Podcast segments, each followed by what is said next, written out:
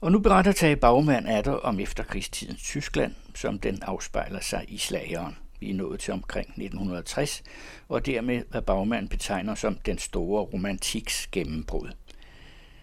Det findes der mange musikalske eksempler på. Et af de mest kendte er Schwarze Rose med Peter Kraus. thank you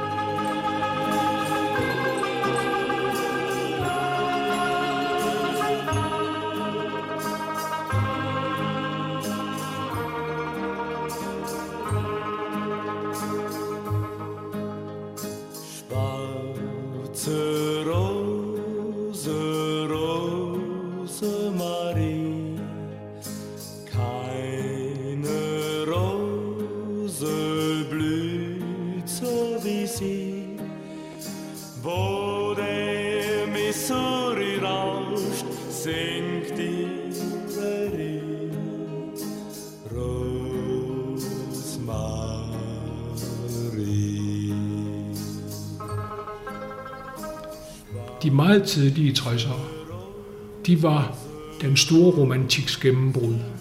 Vi sluttede sidste afdeling med at, at spille Tante med den mere end den morgen med Gerhard Wendland.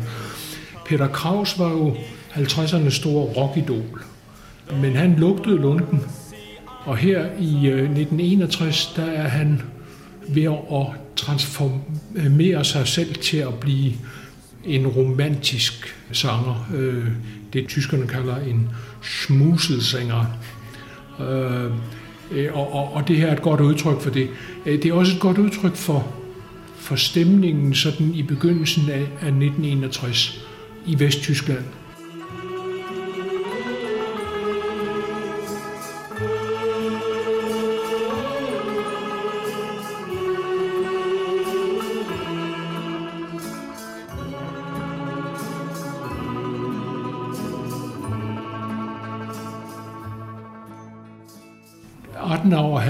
Opnået øh, næsten så meget, som man kunne. Han havde fået Tyskland ført tilbage i det gode selskab, altså Vesttyskland. Og han havde som sin store triumf fået hentet over en million krigsfanger, der øh, sad i Rusland, hjem igen til Tyskland. Nu manglede han de sidste bidder, han skulle have ordnet forholdet til Frankrig osv. Men stort set var han kommet så langt, som man med rimelighed kunne forvente. Han har ovenikøbet opnået at få absolut flertal ved valget i 1957. Så lige i starten af 61, der så alt sådan set ganske rosenrødt ud, kan man sige. Men kun for de brede masser, fordi bag kulisserne, der vidste politikerne godt, at øh, tingene var øh, alt andet end rosenrøde. Sovjetunionens nye leder, øh, Nikita Khrushchev, havde med det, der i øh, diplomatisk historie er kendt som Berlin-noten, der havde han øh, sat spørgsmål om, om Vestberlin på dagsordenen. Han ville have Vestberlin løsrevet fra, fra øh, Vesttyskland og afmilitariseret. Han ville helst have vestmagterne ud af Vestberlin, og han havde troet med at bruge de sovjetiske atomvåben, hvis han ikke fik en løsning. Det fik han ikke fordi Vesten stod fast. Til gengæld øh, så skete der jo det, at i Østtyskland fornemmede man godt den her øh, krisestemning, der, der lå bag ved det hele, og gav sig til at flytte til vest i det omfang, de overhovedet kunne. Grænserne var jo relativt åbne, og det betød, at antallet af østtyskere, der flyttede til mod vest, eller der søgte mod vest, eller der flygtede til vest, steg og steg og steg og steg op igennem 1961, indtil det i slutningen af sommeren nåede øh, op på cirka 2.000 flygtninge om dagen. Vel også forstærket af, at Walter Ulbricht havde sagt, at vi bygger bestemt ikke en mur. Altså, rygterne havde jo været der hele tiden, at på et eller andet tidspunkt ville de lukke grænsen. Og Walter Ulbricht sagde, at øh, der er ingen her, der, der, der taler om mur, der er ingen, der har planer om noget. Men det havde de. Og den kom lige midt i den øh, vesttyske valgkamp, hvor øh, Socialdemokraterne denne her gang stillede op med Vestberlins regerende borgmester Willy Brandt øh, som kanslerkandidat, og hvor øh, CDU-CSU øh, stillede op med Adenauer igen. Øh, og det var lidt et problem for Adenauer, fordi Willy Brandt så jo ung og frisk og ny ud og spændstig, og Adenauer var jo en meget bedaget herre på det her tidspunkt. Han havde ydermere det problem, at øh, amerikanerne lige havde valgt John F. Kennedy, som kun var 47, som præsident, og som jo altså også så ung og spændsig og frisk ud. Så i sammenligning så Adenauer pludselig meget gammel ud, og det gjorde hans republik også. Og denne her stemning, den slog også igennem i, øh, i, i populærmusikken, kan man sige. Der var krav om noget andet, noget, noget frisk, noget nyt, men der var også et krav om noget trygt, noget eskapisme. Det her, det var øh, lige lovligt dramatisk, ikke mindst murbyggeriet var lige lovligt dramatisk til, at man sådan kunne bearbejde det uden videre i et offentligt rum. Dertil kom så også oven i købet, at israelerne bortførte Adolf Eichmann, som jo var, eller blev betegnet som jødeudryddelsernes bogholder, og stillede ham for retten i, øh, i Tel Aviv, og udsendte øh, det her på tv. Afhøringerne af Eichmann blev udsendt på tv. Det var første gang, det for alvor gik op for tyskerne, hvor dagligdags, kan man sige, jødeudryddelserne og udryddelserne af alle mulige andre folkeslag også øh, i øh, udryddelseslejrene havde været. Det førte til, at, at øh, Hannah Arendt øh, skrev bogen, øh, eller øh, skrev om det, hun kaldte øh, ondskabens banalitet. Altså dette, at man kunne tale om det som noget, noget ganske dagligdags. Det gjorde Eichmann også. Han talte lidt om det som et logistisk problem, eller et teknisk problem at få den her maskine til at køre. Ja. Og det her, det rystede også den tyske offentlighed, og i første omgang så trak man sig lidt væk fra den her virkelighed.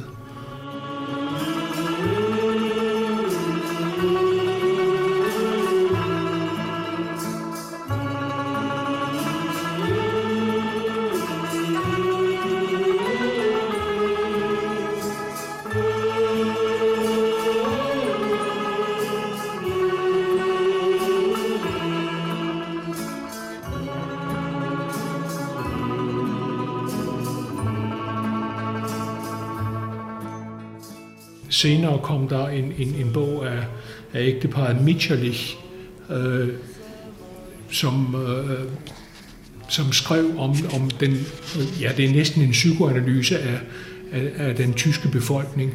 De unfæghedstraven. Ja, den manglende evne til at, at, at sovebehandle ikke bare nederlaget i 2. verdenskrig, men også den skyld, øh, som tyskerne godt øh, vidste, at de havde påtaget sig øh, ved deres behandling af de forskellige folkeslag i Europa, ikke mindst jøderne. Og det her, det gjorde, at, at i første halvdelen af 60'erne, der var populærmusikken måske nok noget, der både skulle føre en væk, føre en et andet sted hen, end lige denne her virkelighed, øh, men som også skulle være fornyende, og som skulle afspejle, at man var et andet samfund, at man ville også folk, der ikke var tyske. Det kom til at vrimle for eksempel i, i, i tysk populærmusik med sangere og kunstnere øh, fra udlandet. Det blev en del af, af den her stemning også, som kom efter murens opførelse. Doch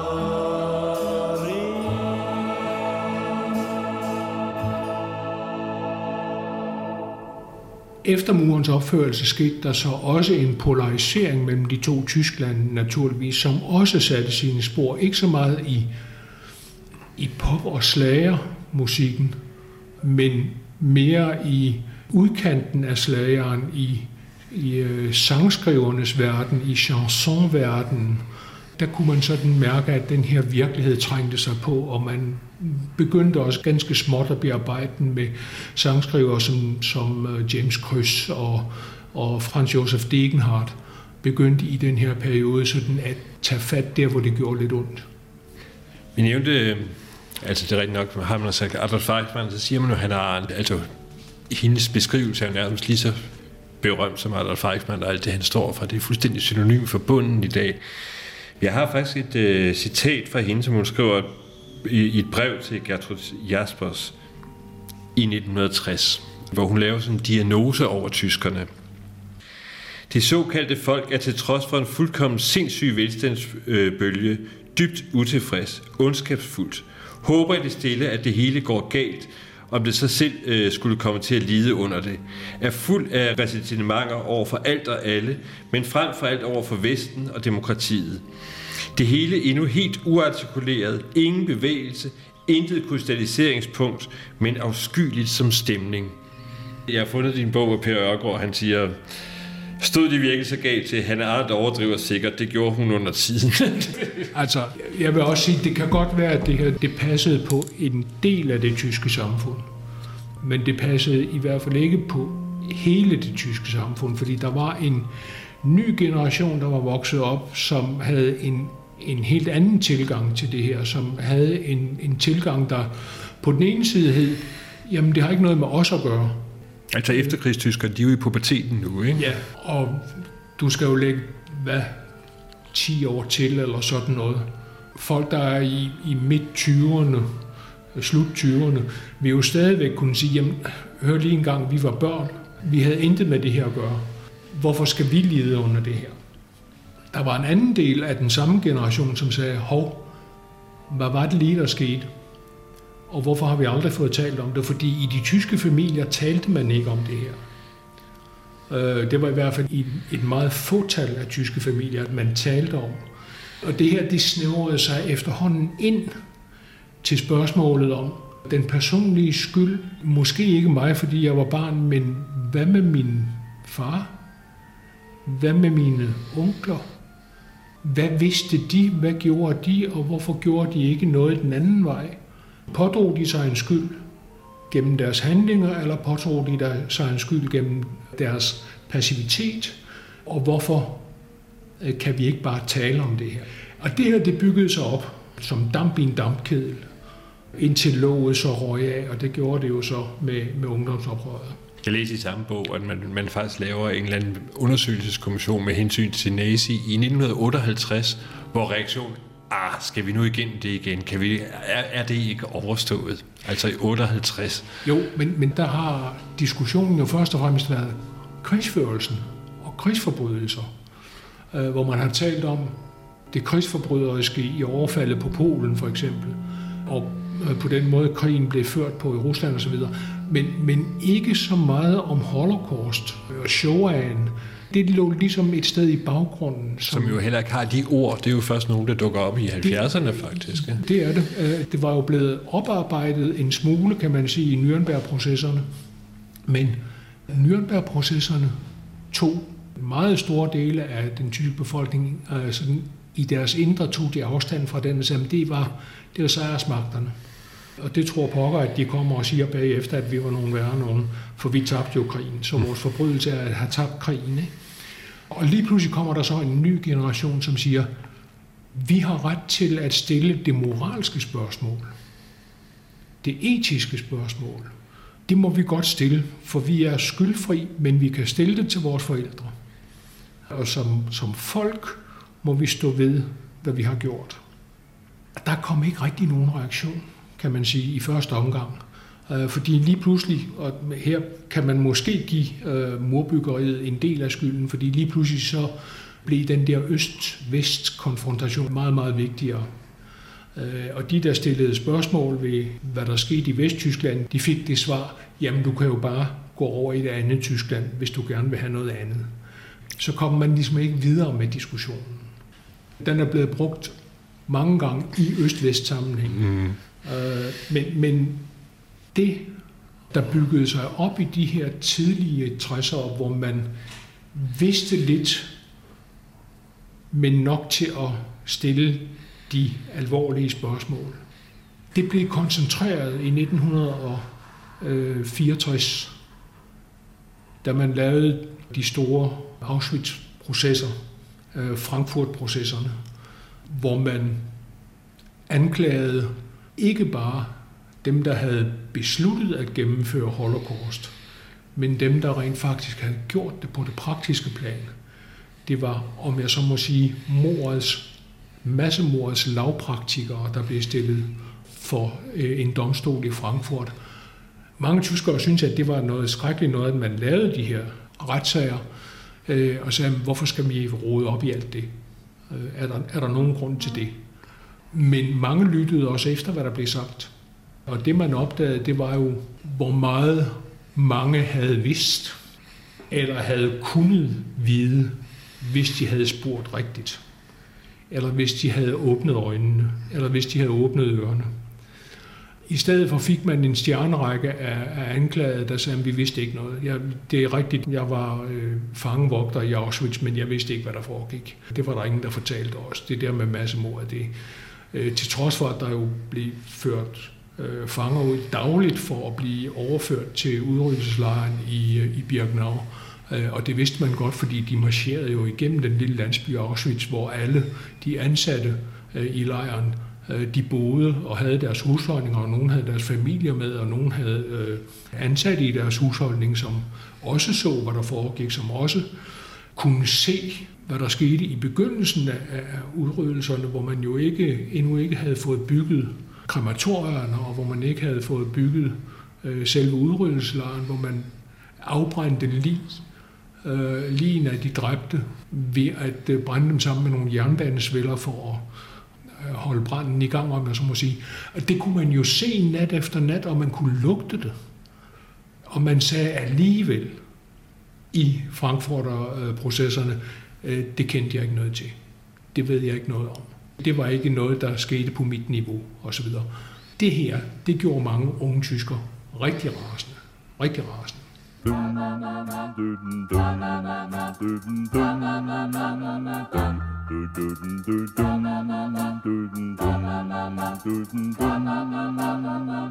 Wenn Teenager träumen, es küsst sie ein Mann. Men samtidig, når det så gælder slageren, så er det jo så, at man må have det, som jeg tror, Dan Torell, han har kaldt det for et lægende lydomslag. Ikke? Vi hørte Peter Kraus der, altså han var jo sådan rock and roller i, i 50'erne. Han er så fra Østrig. Nej, det er nok korrekt at sige, at han er østriger. Han er i virkeligheden vokset op og har startet sin karriere i München, i, i Bayern. I øvrigt som kammerat til en anden af de store stjerner, der pludselig dukker op på scenen her, nemlig Rick Skildo.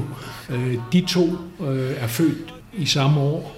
Øh, de var begge to teenager sammen. De var ikke drengevenner, men, men de kendte hinanden, da de var cirka 17 og begge på vej ind i en eller anden karriere i musikverdenen. De valgte bare helt forskellige tilgange. Peter Kraus ville det rå og det, han følte var inde om sig, og, og Rik Skildo ville måske nok mere øh, det pæne og det elskelige og, og det populære, og han, han ville i hvert fald være kendt. Øh, det var ikke sådan, at han ikke havde ambitioner, det kan man vist roligt sige.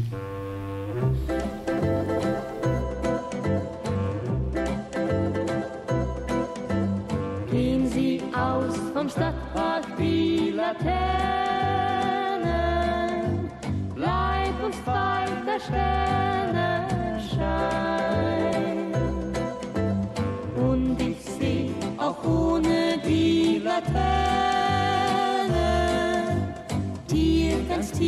ins Herz hinein.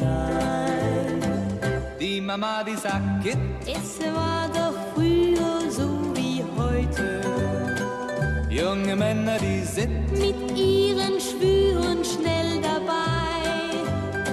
Ja, das finde ich fein. Denn grad verliebte junge Leute von heute, die können so romantisch sein. So wie wir zwei. Det her det er så Riks Gildo, men øh, der er jo også en kvinde til stede. Hende kender vi. Oh ja, oh ja.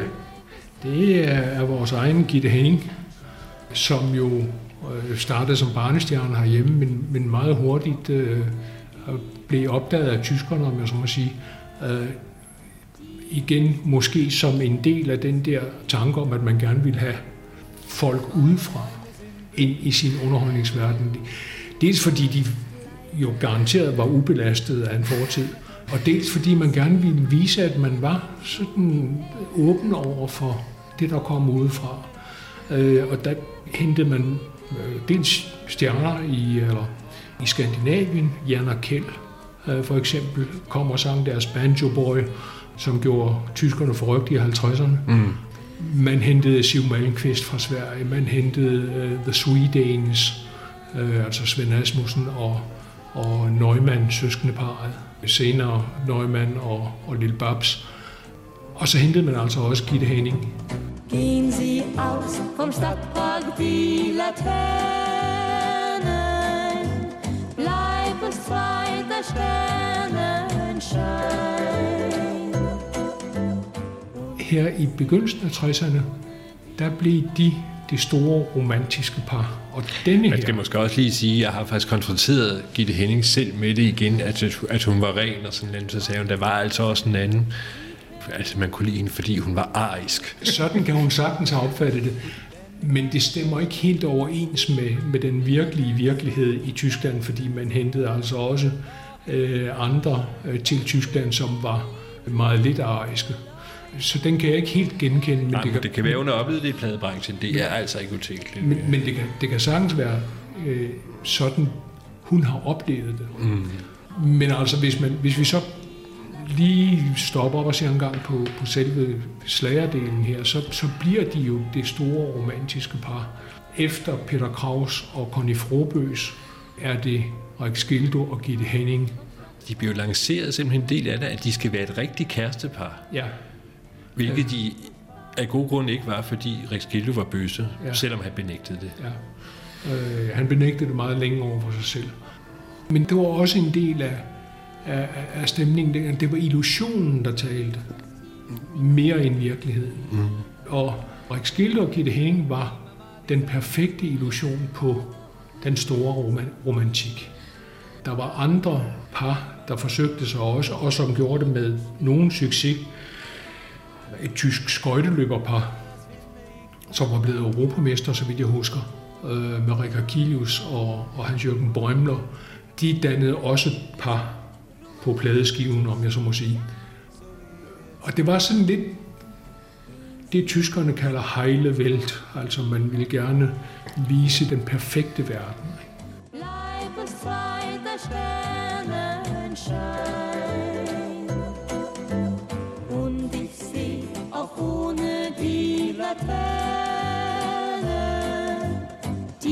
Ganz tief ins Herz hinein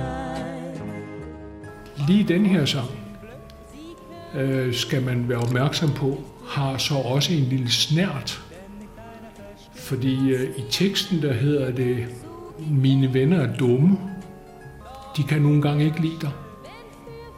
For ingen forstår, hvad jeg synes, der er så godt ved dig. Altså, der er sådan en, en lille bitte en, ikke? Men jeg vil have dig alligevel, ikke? Og, og det var måske også sådan et, et udtryk for, at man sagde, vi er åbne, selv dem, som de andre ikke kan lide, øh, kan vi måske godt lide. Ikke? Nu skal man passe på, at man ikke overfortolker slagertekster alt for meget. Men, men øh, i hvert fald blev det her en landplage. Die Mama, die sagt, so wie heute. Junge Männer, die sind mit ihren Schwüren schnell dabei. Altså Skildur endte jo med at blive sit eget produkt. Han endte med at, at leve sit offentlige liv og ligesom forsøge at være øh, i hele sin tilværelse, være det, han var på scenen. Alt var kunstigt. Alt var kunstigt, ja. Og så var der jo altså den der lille livsløgn bagved, som, som til sidst måske også var det, der, der førte til hans selvmord. Plus han også blev ældre, det havde han der. Det er ikke så godt for en slagerkonge, vel? Altså. Nej, fordi det gjorde jo, at han på et eller andet tidspunkt måske, i hvert fald om morgenen, når han stod og så sig i spejlet, har måttet indrømme, at han var ikke længere det produkt, han gerne ville være. Øh, og, og det kan jo have været svært at klare også. Ganz tief ins Herz, dir ganz tief ins Herz, dir ganz tief ins Herz, I serien om efterkrigstidens Tyskland og dets slagere sluttede vi af med en tur i byparken i selskab med Rex Gildo og Gitte Henning. Det er begge navne, vi senere støder på, når Tage Bagmand fortsætter sin beretning. Serien er en Søren E. Jensen og Jytte Nordholt produktion.